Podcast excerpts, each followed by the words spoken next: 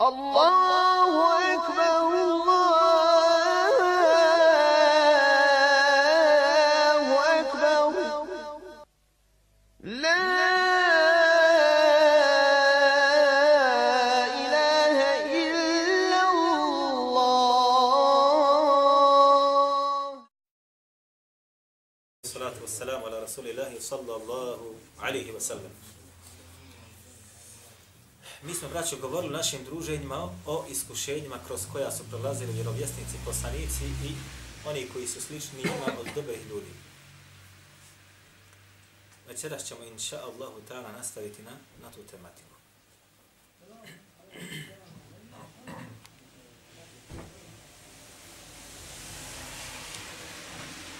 Samo da se malo podsjetimo. Govorili smo, braćo moja draga, da su neki vjerovjesnici ili poslanici bili iskušavani tako da su ih u vatru bacali. Je li tako? Kako smo govorili. Kako su za Ibrahima alaihi salam rekli između ostalog tuluhu au hardequhu fanđahu Allahu minan nari. Kaže, ubijte ga. Kakve su im ideje dolazile? Kako da se riješiš dobrih ljudi? Kako da se riješiš onih koji pozivaju hajru i koji odvraćaju od šeri i od zla? Dan danas tako kuju spletke i zamke. Kaže, oko ubijte ga, ubijte ih. Evo harrekuhu ili zapalite. Ili ga zapalite. Fanđahu Allahu minan nar, pa ga Allah Đelešanu u vatre u koju su ga oni bacili šta? Spasio.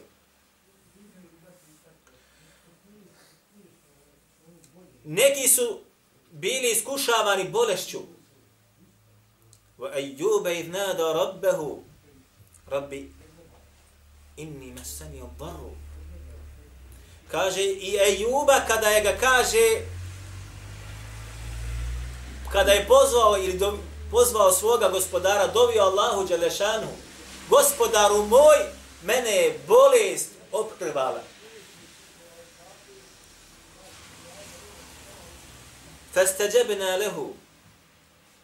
Pa smo mu se kaže šta? Odazvali. Fakashafna ma bihi min dhar. I od njega smo kaže bolest koja ga gotovo bila uništila i opkrvala šta? Otklonili.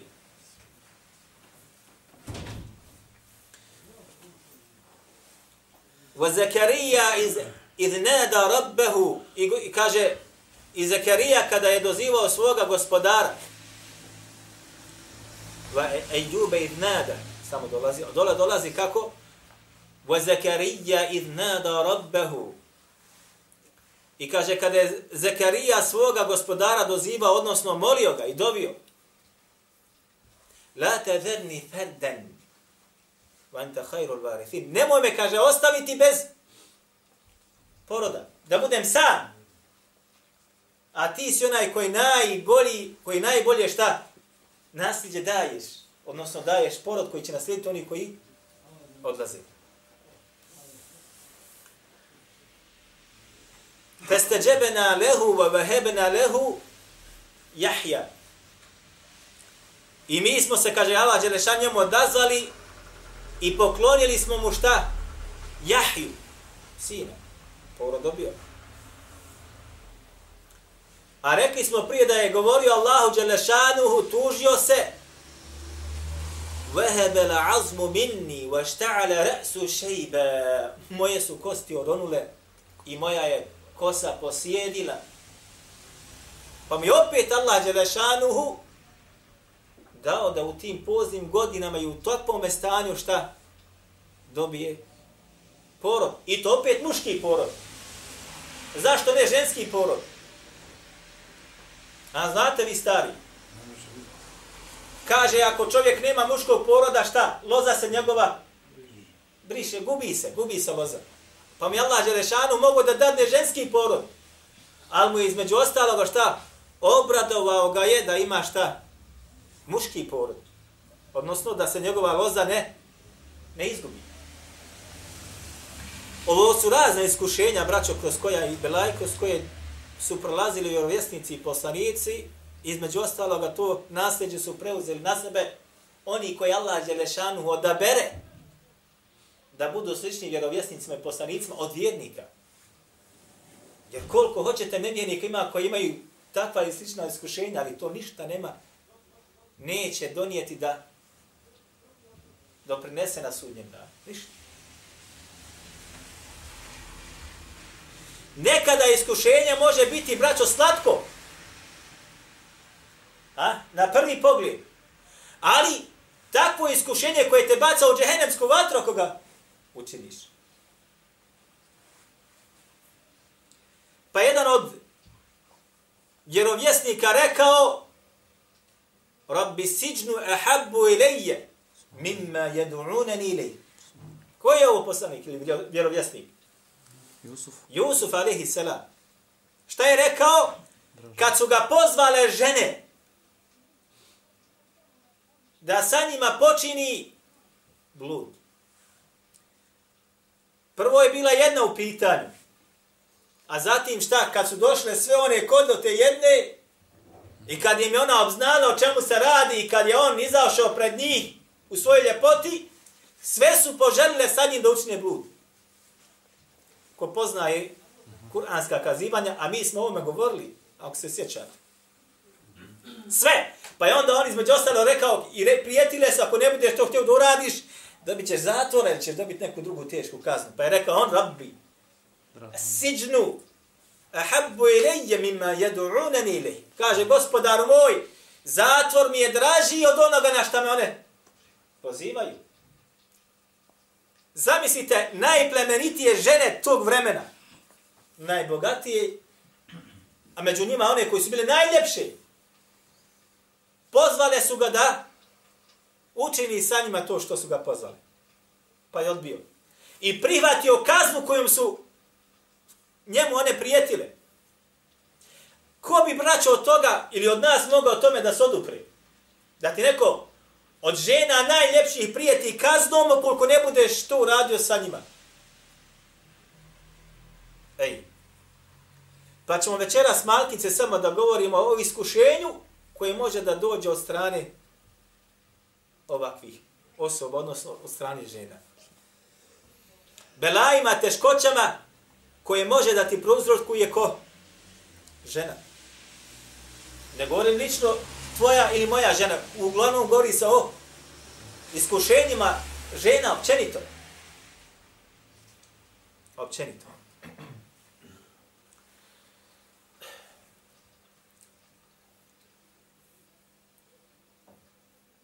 Krenut ćemo, inša Allah.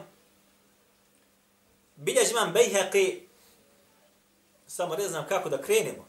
Šta je preče od preče. Biljež imamo Bejheqi u šu'ba limanu. Sa lancem prenosilaca preko Ali ibn Zejda.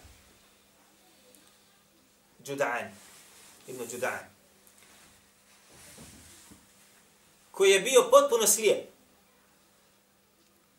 A ono prenosi od Sejid ibn Musaiba. Sejid ibn Musaib je bio njegov učitelj. A Sejid ibn Musaib je, braćo moja draga, spada među najučenije tabeine. Ahmed ibn Hanbel, ono što kaže Sejid ibn Musejib od Allahu poslanika sallallahu alaihi wasallam, on bi to šta? Prihvatao.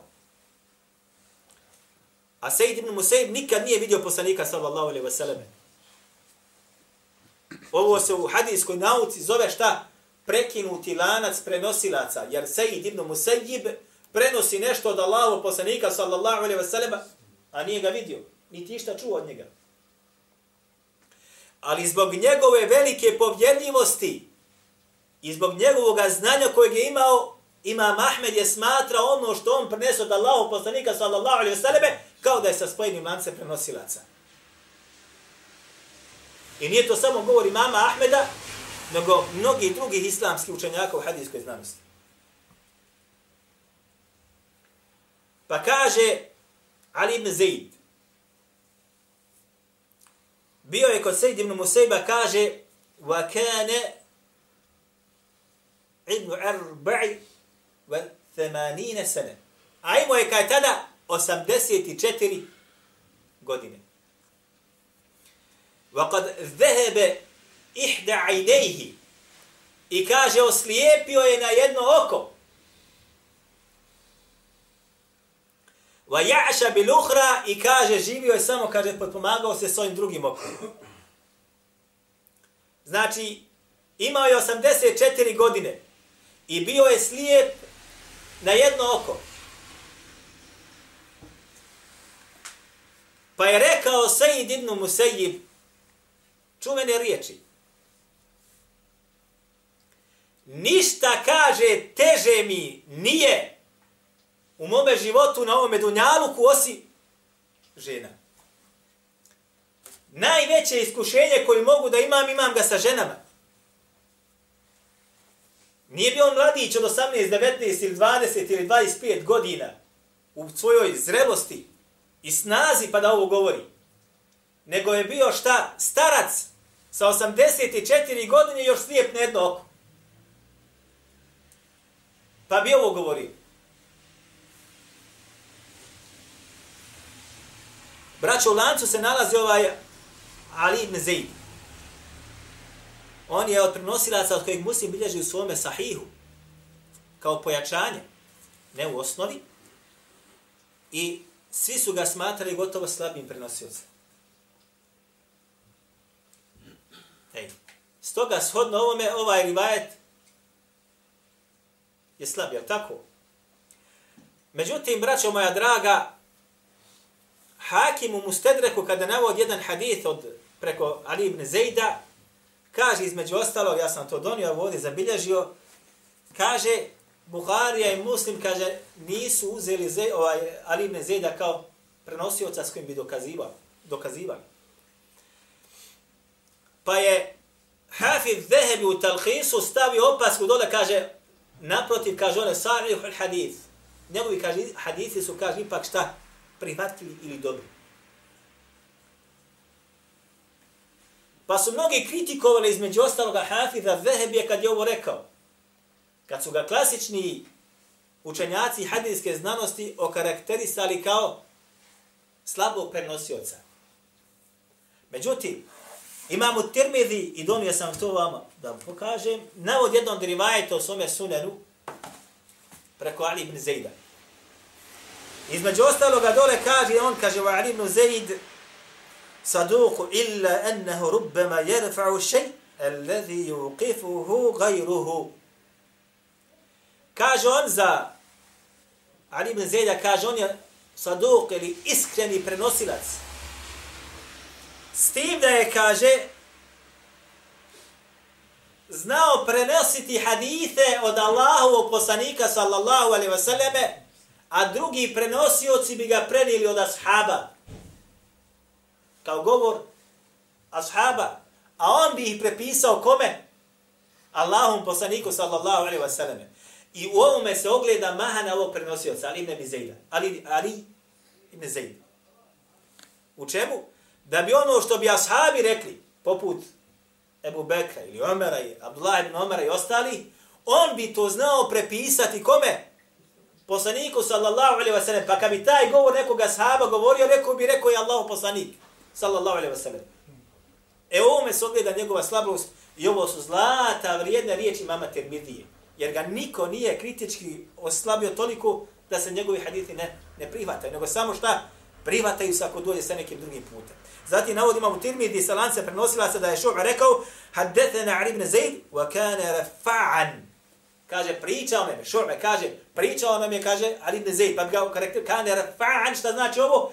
A bio je, kaže, od onih koji su govore ashaba, uzdizao bi na stepen riječi Allaha poslanika sa osrme. Odnosno, zapampio bi neki govor od ashaba, sallallahu radijallahu anhu. Ali bi nakon određenog vremena, kad bi pričao ljudima, taj govor prenio ljudima kao govor poslanika, alaihi salatu wasalam, a ne govor ashaba. E, ovdje u ovom slučaju kog smo mi naveli, radi se o govoru koga? Sa'id ibn Musaiba, koji je bio od tabi'ina, i ovom direktor prenosi od njega, još kaže, čuo sam ga kad to i to govori, što nije na stepenu haditha i nije kao govor ashaba, onaj kao govor poslanika sa osadem, što znači da se ovaj hadith, ovaj rivajet, šta? Smatra makbulom, može se prihvatiti. Ja sam ovo vama mogu da prešutim. Mogu sam da vam kažem, bilježi Bejhaqi wa šu'ba limanu i da vam ništa ne govori. Ko što mnogi radi. Međutim, onaj emanet znanja zahtijeva da insan pojasni, jer mnogi ovaj pregledaju samo to, preko toga pređu i ne pojasne ljudi. Dobro. Ovo je rekao Sejid ibn Musaib, braćo moja draga, zato što Allah poslanik sallallahu alejhi ve selleme kaže u hadisu koji bilježi Imam Buhari, Imam Muslim u svojim sahihima, ma taraktu ba'di. Ovo je hadis od Usame ibn Zejda. Ma taraktu ba'di fitnatan adarra ala ar-rijali min an-nisa. Nisam kaže iza sebe ili nakon svoje smrti, ha? Ostavio iza sebe nisam ostavio za muškarce fitnu i smutnju, štetniju za njih od žena. Za muškarce. Ništa štetnije nema od od žene.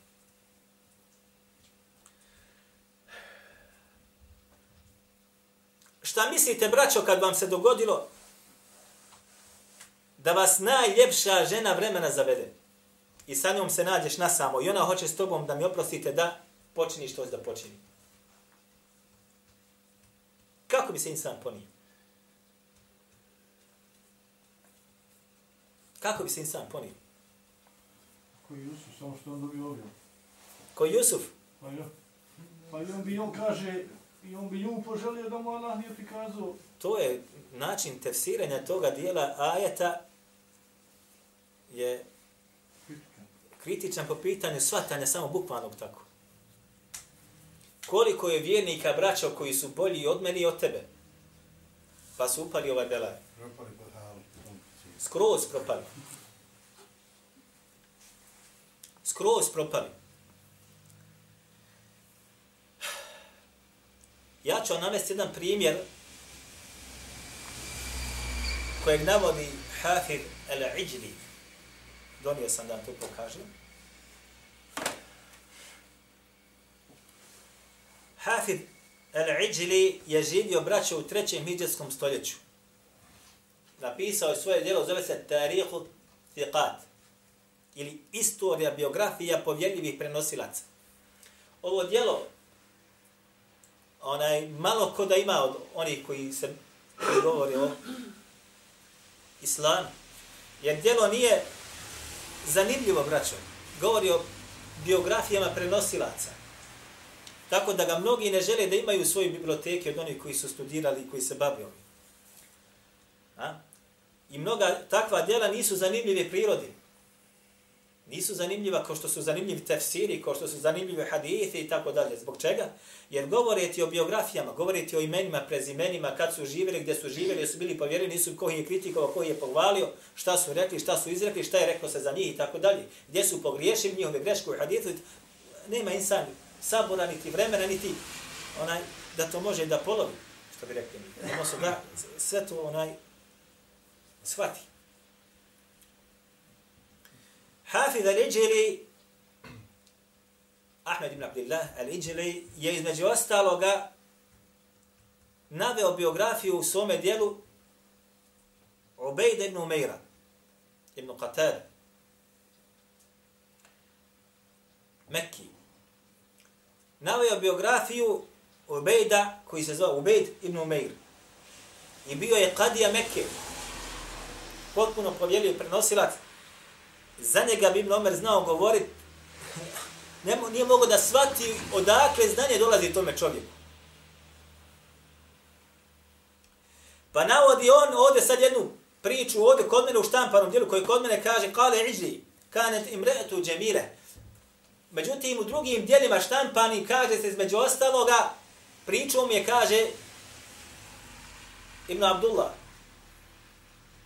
jedan od njegovih šehova, probao sam da se vratim koje od tih šehova njegovih nisam mogu razgovjetnuti.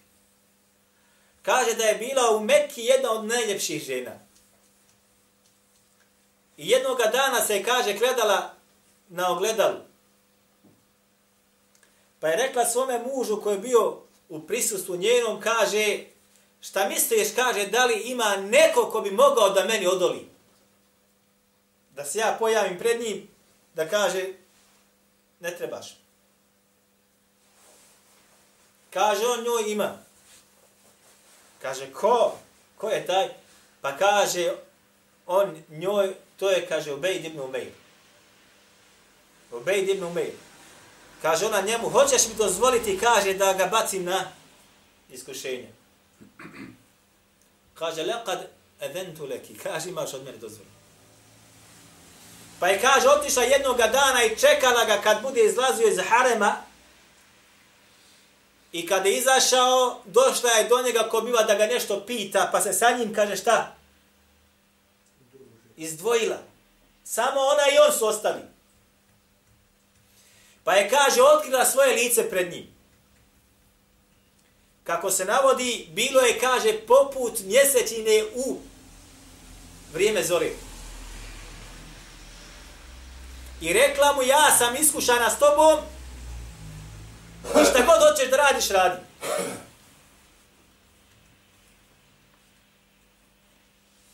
Ne do Allah nikom ovog iskušenja, braću. Brat kaže, postupili bi isto što bi postupio Jusuf a.s. Mnogi jači od svih nas ovde su pali na ovakvim ispitima. Sa ružnijim žena od ove žene. Pa je on kaže, ako budeš potvrdila sve što ti budem govorio, ja ću, kaže, da uradiš, hoćeš ti da uradiš. Nije nikakav problem. Kaže ona, me, kaže ona njemu, sve ću da potvrdim. Samo što prije kaže da da uradi sa njom to što treba da uradi ko biva. Pa je on kaže njoj, dobro, šta bi ti, kaže, uradila? Bil to, kaže, sad uradila sa mnom, a kaže, melek smrti ti došao, kaže, da ti čupa što bi rekli mi dušu. Kaže, la, Allah, ne bi, kaže, tako mi Allah. Bil, kaže, to uradila, kaže, a spuštaju te, kaže, u kabu i čekaju te dole da te ispitivaju meleki i tako dalje, kaže, ne bi. Pa je nabrojavao, nabrojavao sve do ulaska u džehennem. Kaže, ne bi to radila, kaže, tako mi Allah. Pa se, kaže, vratila svome mužu nazad, kometa. Pa akbelet, pa je, kaže, postala od onih, počela, odnosno prije toga kaže, pa je rekla svom mužu, kaže, mi smo, onaj što bi rekli mi, propalica sam ja i ti. Ništa u svom životu ne radi, mi smo propalice. Pa je, kaže, počela da klanja, pa da posti i kaže da obavlja noću, kaže, noći namaz. Pa mi njen muž, kaže, govorio, subhanallah il azim. Kaže, وَمَا لِي وَأُبَيْدِ ibn Umayr. أَفْسَدَ عَلَيَّ زَوْجِي Šta mi, kaže, uradi Ubejd? Moju mi je, kaže, ženu šta? Pokvario. Pokvario mi je, kaže, ženu. Kanet fi kulli lejletin arusa. Kaže, svake noći mi je bila, kaže, poput mlade, kad se čovjek oženi pa prvi noć je dove, svake noć mi je tako bila. Fasajjeraha sa rahibe. Pa je kaže, on je napravio da je postala sad šta? Ispostica, odnosno ona koja više nema vremena za mene. Nego noći provodi kako? O ibadetu. Kaže, kanet kule lejleti na rusa. Kaže, svake noći mi je bila šta? Mlada. A sad je postala šta? Ona koja vremena nema za svoga muža. Zbog čega? Zato što je dala prednost čemu? Seđdi i namazu i spominjanju Allaha Đelešanu i šitavanju Kur'ana nad svojim mužem. I nema više da se gizda za njega i da ga dočekuje, nego postala je šta od onih za koje, što bi rekli mi, životni užitak izgubio svoju vrijednost.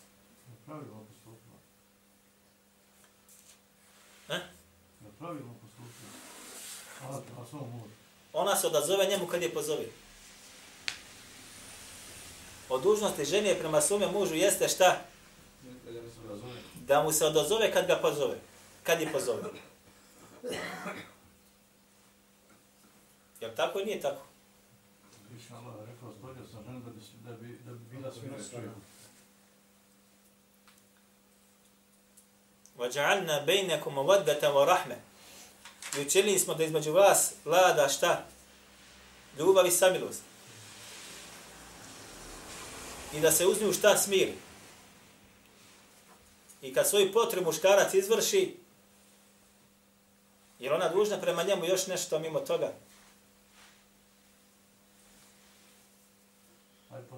Znači, samo, kada je, kada je pozove, ona se njemu odazove. Kad god je pozove, odazove se. Kad god. Miš muškile. Ali nakon toga, njezine noći su bilo ibadet. Ostatak noći je ibadet.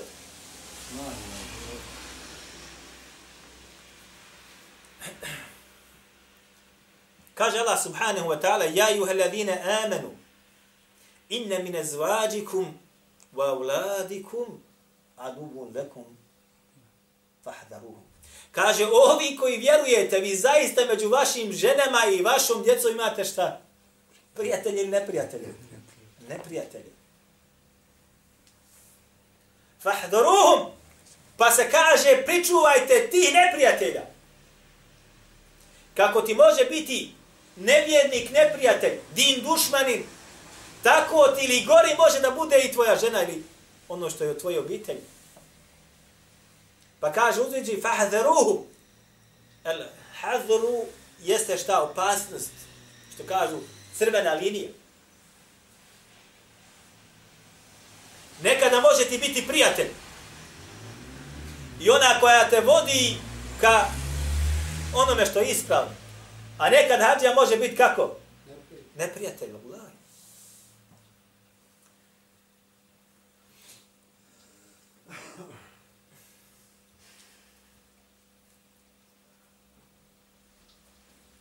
Navod imamo Taberi od Ismaila, od jednog od tabeina koji je, od njega bilježi Bukhari i Muslim i četvorica autora Sunena, između ostalo koji je protumačio, kaže ove riječi, kaže, u vremenu Allahu poslanika sallallahu alaihi wasallam znao bi, kaže, neki muškarac, neko muško da primi islam. Pa bi ga, kaže, njegova žena šta kritikovala i njegovi sinovi. Pa je Allah, kaže, objavio ovaj ajet ili ove riječi. Primi islam, prihvati se vjere, pa mu dođe neprijatelj ko? Njegova žena prva se na njega navali. Šta ćeš ti sa njima? Si ti normalan? To su vaki, to su naki, budi kako treba, budi... Prvo žena ga šta napadne, zašto sam toga prihvatio? Zatim i oni od njegove porodice, njegovi sinovi, kćeri što imaju i tako dalje, pa se on šta? Ostavi to što već primio. Vi znate dobro koliko je onih bilo koji se prihvatili onoga što je još bolje od ovoga na čemu smo mi daleko. Pa kad je došao kući i kad je saznala njegova žena da on to prima, praktikuje, prihvaća se, mijenja svoj sistem života, šta se dogodilo? Počela je šta? Prepirka. I odvraćanje ženi od tog hajra. Pa je bilo njemu ili da se pokori njoj i njenom zagrljaju, ili da se pokori Allahu Đalešanuhu i onome što vodi ka džennetu. Pa su mnogi se pokorili kome? Njoj. I postali su njeni robovi. وَمِنَ النَّاسِ مَا يَتَّخِذُ مِنْ دُونِ اللَّهِ يَنْدَادَ يُحِبُّونَهُمْ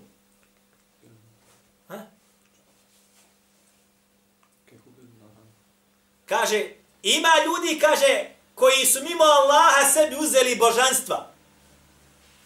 Stavili ih na stepen ljubavi prema tom božanstvu kao da veće nego što ima stepen ljubavi prema Allahu. Juhibbunehum kahubbillahi.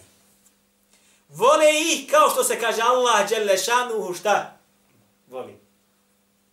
Pa kad mu žena kaže sjedi neđi, nader se večeras, dobro, odmah se pokori. Sjedi ne idi u džamiju, ne klanjaj, odmah se pokori. Zašto? Ako se bude usprotivio njoj, možda neće večeras sa njom biti lijepe priče. A ako joj se pokori, dobit će lijepu priču sa njom, ali nepokornost Allah neće biti odmah kazna za to. A možda ću se ja šta? I pokajati.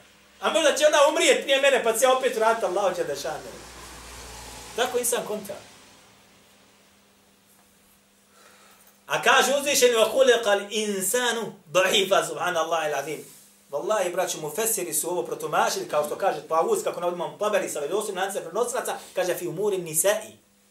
I kaže insan je kaže stvoren kao slabić. Kaže Pavus čuveni Tab'in kaže fi umuri nisa po pitanju kaže žena svi su slabići. Komanduje ti ona. Ona te vodi gdje hoćeš. On gdje ona hoće u stvari. Eto, nek svako vrati svoju sliku u svome životu, pa će da vidi u istoriji svojoj koliko puta je njegova žena bila uzrok da nije ona čemu je trebao da bude. Kreneš da se prihvatiš vjere kako treba, pa nemoj, pa šta će, pa kudam ćemo, pa kako ćemo. Kreneš da se boriš na Allahom putu, dođe ti, a ja ako budem poginuo, odrinit će se drugi, neko drugi, odmah ne, nećemo da idemo. Kreneš da se pridržava šerijatskih propisa, da se ona, da se ona kako treba, pokrije, to je čitav rat u kući. Pa imaš izbor ili da postupiš onako kako ti tvoj gospodar zahtjeva ili da je voliš i da budeš slabić. Pa kaš, bit ću ja od onih koji će nju volit, pa ne vidiš sam slabić, pokodi se ja nju.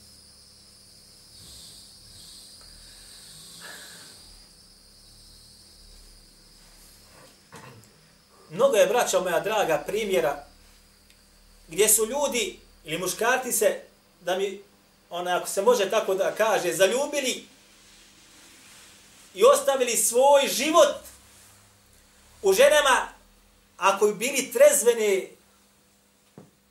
onaj, eh, razuma ili, ili razumijevanja, ne bi to nikad učinili. Jedan od pjesnika arapskih je rekao između ostaloga, odnosno kad je govore koji se bio, znači, između ostaloga, kako se može tako reći, zagledao u jednu ženu, koja je bila skroz crne puti. A crna put kod Arapa tada, još pogotovo, nije bila šta pred islamskoj. Nije bilo uopšte šta vrijedna. Pa on kaže, zavolio sam je zato što je crna. Pa sam kaže sve što je crno zbog nje zavolio. Pa čak i crnoga psa. E? Pa čak kaže, znači crni put je bila, skroz crna, crnkinja. A? On je se zagledao u nju toliko da je zavolio zbog nje sve što je crno. Sve što je crno on je volio. Prije mrzio. Ali pošto je ona takva, sad on sve voli crno. Pa kaže, pa sam čak zavolio šta? I crnoga psa. Pa kaže islamski učenjaci, kako kaže između ostaloga, Mustafa al-Adawi kaže, ovo aludira na hadis zato što je crni pas u stvari šta? Šepan. Do te mjere će otići šta? U toj slijepoj ljubavi prema određenoj ženskoj osobi. Do te mjere. A vi znate dobro da su ljudi zbog žena znali da ubiju najdražu sebi osobu. Ako mu se taj ispriječio na, na, na putu. I znaju se zbog žene šta ratovi da povedu. I zbog žena su najveće vjerske i političke vođe padale.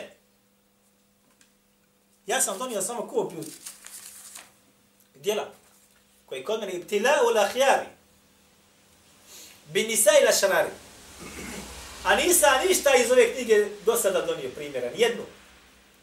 Knjiga samo govori, kaže, iskušenja najodabrenijih ljudi sa lošim ženama.